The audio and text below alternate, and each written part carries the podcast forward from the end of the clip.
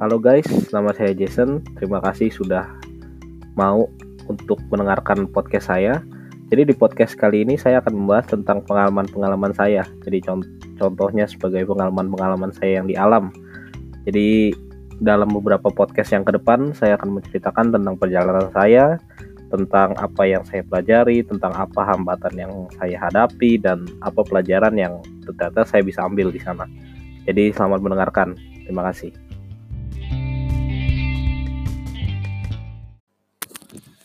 Iya guys, jadi kita udah menyampai 100 kali play dan gue emang udah lama banget nggak post lagi ya buat podcast ini karena emang ya banyak hal lah yang gue pikirin dan gue lakuin. Nah jadi kali ini gue mau menceritain tentang perjalanan gue ke Gunung Selamat. Jadi di Gunung Selamat ini benar-benar kondisi di mana bahwa kayak gue merasa ini adalah ya batas antara hidup dan ya begitulah. Nah jadi pertama-tama bakal gue ceritain dulu. Jadi awalnya gue ke Gunung Selamat ini gue itu ada berenam ya. Nah jadi gue berenam emang kita kondisinya ingin jalan ke sana ya buat organisasi juga dan sampai akhirnya kita memutuskan buat jalan ke Gunung Slamet. Jadi awalnya tuh emang tujuannya nggak ke Slamet, terus juga awalnya kita tuh nggak berenam, kita berempat, tapi karena satu dan lain hal kita jadinya berenam di Gunung Slamet. Nah jadi awalnya kan kita dari Gunung Slamet ini punya ada namanya beberapa macam jalan lah ya, ada beberapa macam jalur. Nah jadi jalurnya itu ada yang namanya Bambangan, Batu Raden, Guci, ya banyak sih. Habis itu ada kali wadas habis itu ya yang lain-lain lah. Banyak banget. Dan itu mungkin kayak nggak jelas gitulah karena terlalu banyak. Nah habis itu setelah terlalu banyak itu akhirnya kita berdua mutusin kita mau ke jalur Bambangan. Tapi itu buat turun. Karena itu kita mencoba buat ke Batu Raden sama Bambangan. Nah jadi buat naik gunung ya yang nggak tahu naik gunung itu naik gunung itu ada yang namanya lintas jalur. Nah, kenapa dia namanya lintas jalur? Jadi gini, kalau misalkan lu dari titik A terus ke puncak gunung, habis itu dari titik B lo ke puncak gunung gitu kan. Nah, jadi A sama B ini sebenarnya di lain sisi. Kayak kalau lu bisa bandingin ya kayak segitiga lah. Simpelnya jadi ada ada puncak terus ada kedua dasar kan. Nah, kita itu mau nyebrangin dari satu dasar ke satu yang lain. Sebenarnya buat lintas jalur ini nggak rekomen banget ya, apalagi istilahnya buat kalian yang mungkin dalam hal-hal dekat-dekat ini mau naik gunung, kalau nggak kepikiran buat naik gunung itu sangat-sangat nggak rekomen. Karena istilahnya itu sangat-sangat capek. Dan istilah ya pokoknya capek banget. Karena pada saat kalian lintas jalur itu kalian harus bawa barang-barang kalian ke puncak, habis itu kalian turun lagi gitu. Nah, jadi bawa barang ke puncak itu sangat-sangat berat dan capek. Jadi buat kalian yang kalau misalkan happy-happy aja atau gimana ya nggak usah lah coba-coba hal-hal seperti itu. Apalagi ya istilahnya di gunung yang lumayan susah lah ya kita kita ngomong.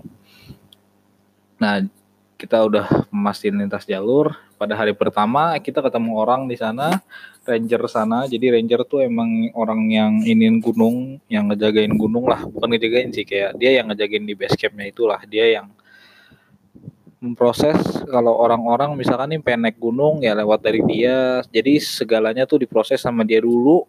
Jadi seandainya kita tuh tersesat di gunung atau apa pun, kita tuh bisa kontak dia dulu lah, simpelnya. Nah, hari pertama kita itu di situ kita kira di jalan raya kita tidur tapi bukan jalan raya sih. Jadi kayak emang aspal cuma nggak jarang dilewatin orang lah. Kita kita bikin ya semacam tempat tidur di situ di jalan raya akhirnya kita masak jadi hari pertama itu begitu kita nyampe, kita ke tempat itu, kita mah habis itu kita buat malam kan, kita masak, nyalain api ya seperti biasa aja kalau misalkan kayak malam-malam naik gunung. Habis itu kita mencoba buat istirahat hari pertama. Nah, di sini kan karena di sini musim kemarau ya. Jadi kalau misalkan kalian naik gunung emang enaknya di musim kemarau. menurut saya sih saya pribadi ya karena istilahnya musim kemarau tuh nggak kena hujan lah karena hujan tuh benar-benar bikin capek banget dan kayak kalau kalian pakai jas hujan pun kalau jas hujannya tembus itu udah kayak aduh udah kayak eh capek banget lah. Bener-bener kayak pengen marah tapi kayak capek pengen gak gerak tapi dingin jadi kayak serba salah gitu loh. Meski emang pada waktu musim hujan airnya itu banyak. Nah jadi kita waktu di musim kemarau itu salah satu hal yang terberat pada musim kemarau adalah air. Kita manusia butuh air, ya pokoknya sehari minimal gua nggak tahu lah berapa ya. Pokoknya di situ kita bawa air yang cukup banyak lah menurut gua pada saat naik kolong selamat. Tapi akhirnya ya nanti ada suatu kejadian lah. Nah, jadi kita udah masak, kita tidur, terus kita bagi-bagi air kan karena kita pesen air tuh banyak lumayan banyak. Ya udah tuh besok paginya kita mencoba buat jalan ke atas. Nah, jadi dari kita kan naik dari Batu Raden ya. Nah, dari Batu Raden ini kita mencoba buat naik dulu awal-awal. Nah, jadi dari awal ini udah diomongin bahwa emang di Batu Raden ini cuma kita doang yang naik. Nah, jadi bener-bener rombongan gua doang yang naik ke berenam itu. Sama paling kalau misalkan lu ketemu orang itu adalah orang-orang yang lagi cari burung lah istilahnya. Gue juga nggak tahu sih dia ngumpulin cari burung buat apa. Cuma emang kita ketemu di tengah jalan. Nah hari pertama pun kita coba lewatin ya. Nah pada saat di gunung itu Medan tuh kadang-kadang ada punya karakteristik sendiri. Nah jadi yang buat di Batu Raden ini Batu Raden ini jalannya itu nggak terjal tapi istilahnya dia datar tapi dia naik terus tuh. Naik naik naik naik terus. Nah jadi pada saat kita coba naik itu emang nggak kita nggak capek lah. Istilahnya kita nggak capek buat nanjak tapi kita kan datar tuh jadi jauh gitu jalannya. Karena istilahnya pada saat awal itu di pada via Batu Raden itu kita ngelewatin punggungan-punggungan jadi emang punggungan itu kayak istilahnya apa ya kayak bukit-bukit lah bukit-bukit kecil gitu kayak melipir gitu nah ya jadi kayak melipir dia lewat situ Nah, habis dari itu hari pertama kita camp di kalau nggak salah itu kita camp di pos 2. Nah, jadi awalnya itu kita mau camp di pos 3 kan emang. Kita mau camp di pos 3. Cuma pada saat itu meski ada target di pos 3 orang situ sih udah ngomong. Jadi kayak dia bilang pos 3 tuh nggak rekomend buat camp. Tapi emang target kita di pos 3 karena kita udah punya uh, kita ngomongnya itinerary agenda lah kita punya agenda yang kita harus nyampe kapan harus nyampe kapan harus nyampe kapan. Karena itu kan kita bawa perlengkapannya juga kan diatur semua kan. Nah setelah itu kita nyam kita nggak nyampe di pos 3 ya udah kita di pos 2 ya udahlah istilahnya udah sore banget juga. Posisinya waktu itu di pos 2 tuh udah nyampe jam 4 kalau nggak salah. Dan ya udah kita juga lumayan capek. Ya istilahnya kita akhirnya mutusin buat istirahat di situ. Nah di pos 2 sendiri itu temen gue tuh ada dua orang kan. Jadi gue tiga cewek tiga cowok tiga cewek. Jadi tiga cowok tiga cewek ya pokoknya ya. Nah pada waktu itu temen gue berdua cowok itu ngedenger ada yang dia lagi bangun ten ya lagi bangun tempat tidur kita lah ya. Oke, terus habis itu ada yang teriak gitu. Tapi itu kayak mereka yang dengar kayak tapi gue nggak denger sih jadi mereka denger itu cuma mereka masih mikir positif bahwa oh ada orang di bawah gitu kan nah cuma yang akhirnya mereka besoknya tuh mungkin mereka mikir kayak oh nih kayaknya nggak mungkin nih karena emang yang naik itu kan kita sendiri doang kan. Kita berenam sendiri dan kayak tiba-tiba ada yang teriak gitu. Tapi mereka berdua doang yang denger jadi kayak aduh ya menyeramkan lah. Nah cuma ini buat kalian juga ya yang kayak istilahnya kalian mau naik-naik gunung itu kalau misalkan kalian ngerasain sebuah hal-hal yang mistis ya pokoknya di, di gunung banyak lah mistisnya lah. Kita nggak usah ya bu, kita banyak lah mistisnya. Nah habis itu kalian itu jangan diceritain sampai kalian turun ke bawah. Intinya itu sih. Pokoknya jangan deh jangan sampai. Kayak misalnya kalau udah ituin udah diam aja ya udah kalian ngedeket sama teman kalian terus habis itu udahlah pokoknya jangan jangan ngomong-ngomongin lah. Nah kita masuk ke berarti pokoknya hari pertama gue udah camp hari kedua camp di pos 2 dan hari ketiga berarti ya. Nah hari ketiga ini gua akhirnya kita bangun kita sarapan dan kita jalan. Dan ternyata benar di pos 3 itu istilahnya itu bukan tempat camp dan kita sempat ngerawatin pos 3 cuma kita nggak sadar gitu. Nah jadi di pos 3 itu ada kayak kayu yang kayak tiga biji gitu ya. Terus gue kayak bercanda ke temen gue gue coba bilang eh ah ini pos tiga kali ini kayunya tiga gitu kan. Terus dia bilang ah masa sih? gitu kan. Terus abis itu setelah kita jalan-jalan-jalan ternyata bener kita tuh nyampe pos 4 anehnya ya jadi kayak bener kali ya itu pos 3 ya? Iya kali. Nah terus kayak istilahnya untung kita waktu kemarinnya itu di hari kedua itu kita nggak maksain ke pos itu gitu kan? Ya itu kita syukur juga kepada Tuhan lah. Sampai akhirnya di hari ketiga ini gua agak capek lah. Kita semua agak capek di situ karena istilahnya tracknya udah mulai terjal karena kan awal-awal kan kayak tadi yang gue bilang kita ngelipir. Nah sebenarnya sekarang udah agak terjal. Cuma kayak masih datar lah. Nggak nggak terjal terjal banget. Nah setelah nggak terjal terjal banget itu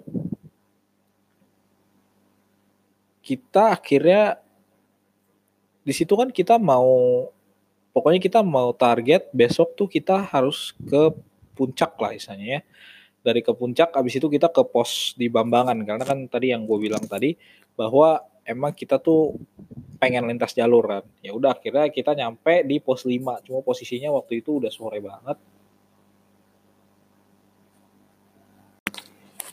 Nah ya jadi itu tuh udah sore banget. Ya udah akhirnya kita pasang ya tempat tidur kita posisinya mungkin itu jam 5 kali ya udah pokoknya udah kelihatan matahari terbenam lah nah jadi kalau buat kalian yang naik Gunung Selamat ya mau lewat Bambangan ataupun Batu Raden kalau misalkan kalian nanti berniat itu tuh jalannya ketutup banget gitu ya jadi kayak banyak-banyak pohon-pohon di bawah nah jadi di bawah itu kalian cuma lihat kiri kanan tuh pohon berpohon banget. Nah sampai nanti di atas kayak posisi gua itu di pos 5 istilahnya. Nah di pos 5 tuh baru kebuka dan di situ kayak kalian tuh bisa ngelihat pemandangan yang emang bagus lah istilahnya. Oh kiri kanan tuh awan gitu. Ya itu kayak negeri di atas awan yang kayak ya pokoknya keren banget lah. Nah, bisa di pos 5 ini kita tidur, kita ya pokoknya kita makan malam, kita tidur. Nah, di sini posisinya entah kenapa waktu di gunung istilahnya ya, gue nggak tahu lah gunung selamat pun atau gunung apa pun, gue tuh malam-malam tuh selalu menggigil. Tapi yang paling parah tuh di selamat inilah. Dan di selamat ini menggigil, terus habis itu ada satu temen cewek gue yang nyalain api buat gua jam 2 pagi istilahnya.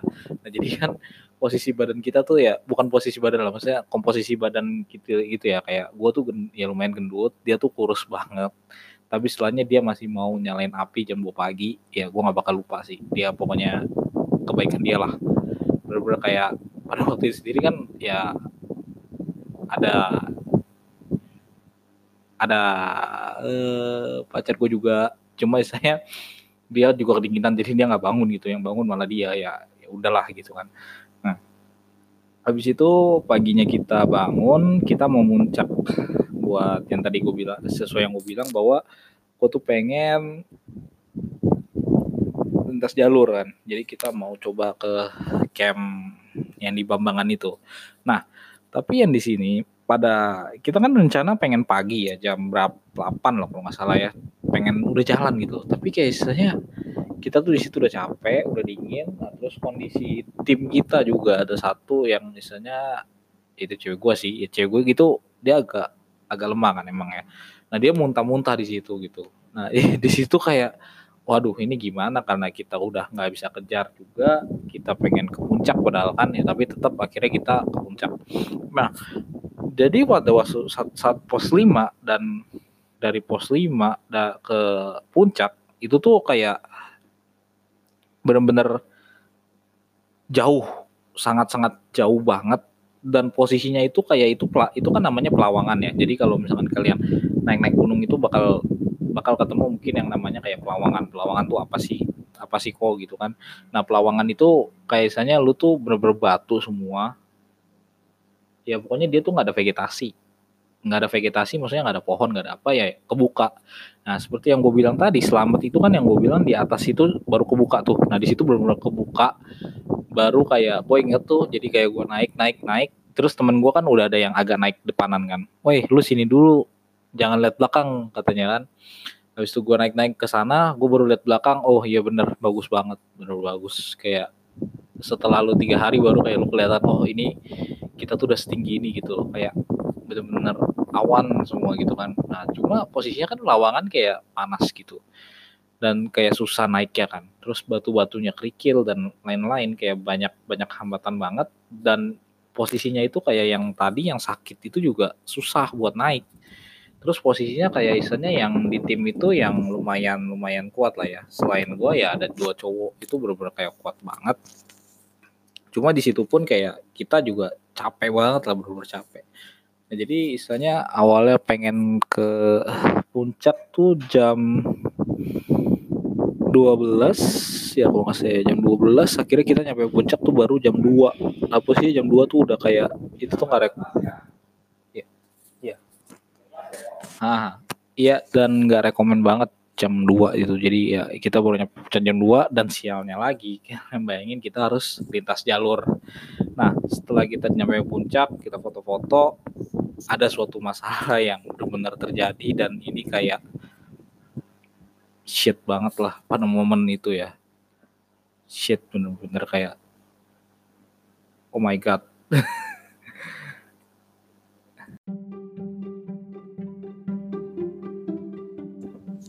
ya jadi guys buat yang kelanjutan kelanjutannya ya buat podcast ini sengaja gue bikin dua part. Jadi kayaknya karena kepanjangan juga. Dan ya buat kalian yang agak-agak penasaran juga kan bikin penasaran ini masalahnya apa sih? Masalah yang gede banget. Karena istilahnya emang itu masalah yang menentukan di mana kita itu istilahnya ya di perbatasan lah perbatasan. Ya kalian tahu lah. Jadi tolong ditunggu aja buat episode selanjutnya dan misalkan kalian suka tentang kisah saya bisa di share juga dikasih like juga. Kalau enggak ya pokoknya ada kritik dan ada saran juga saya sangat-sangat senang. Karena kritik dan saran bagi saya adalah yang membangun bagi gue ya misalnya itu yang membangun lah.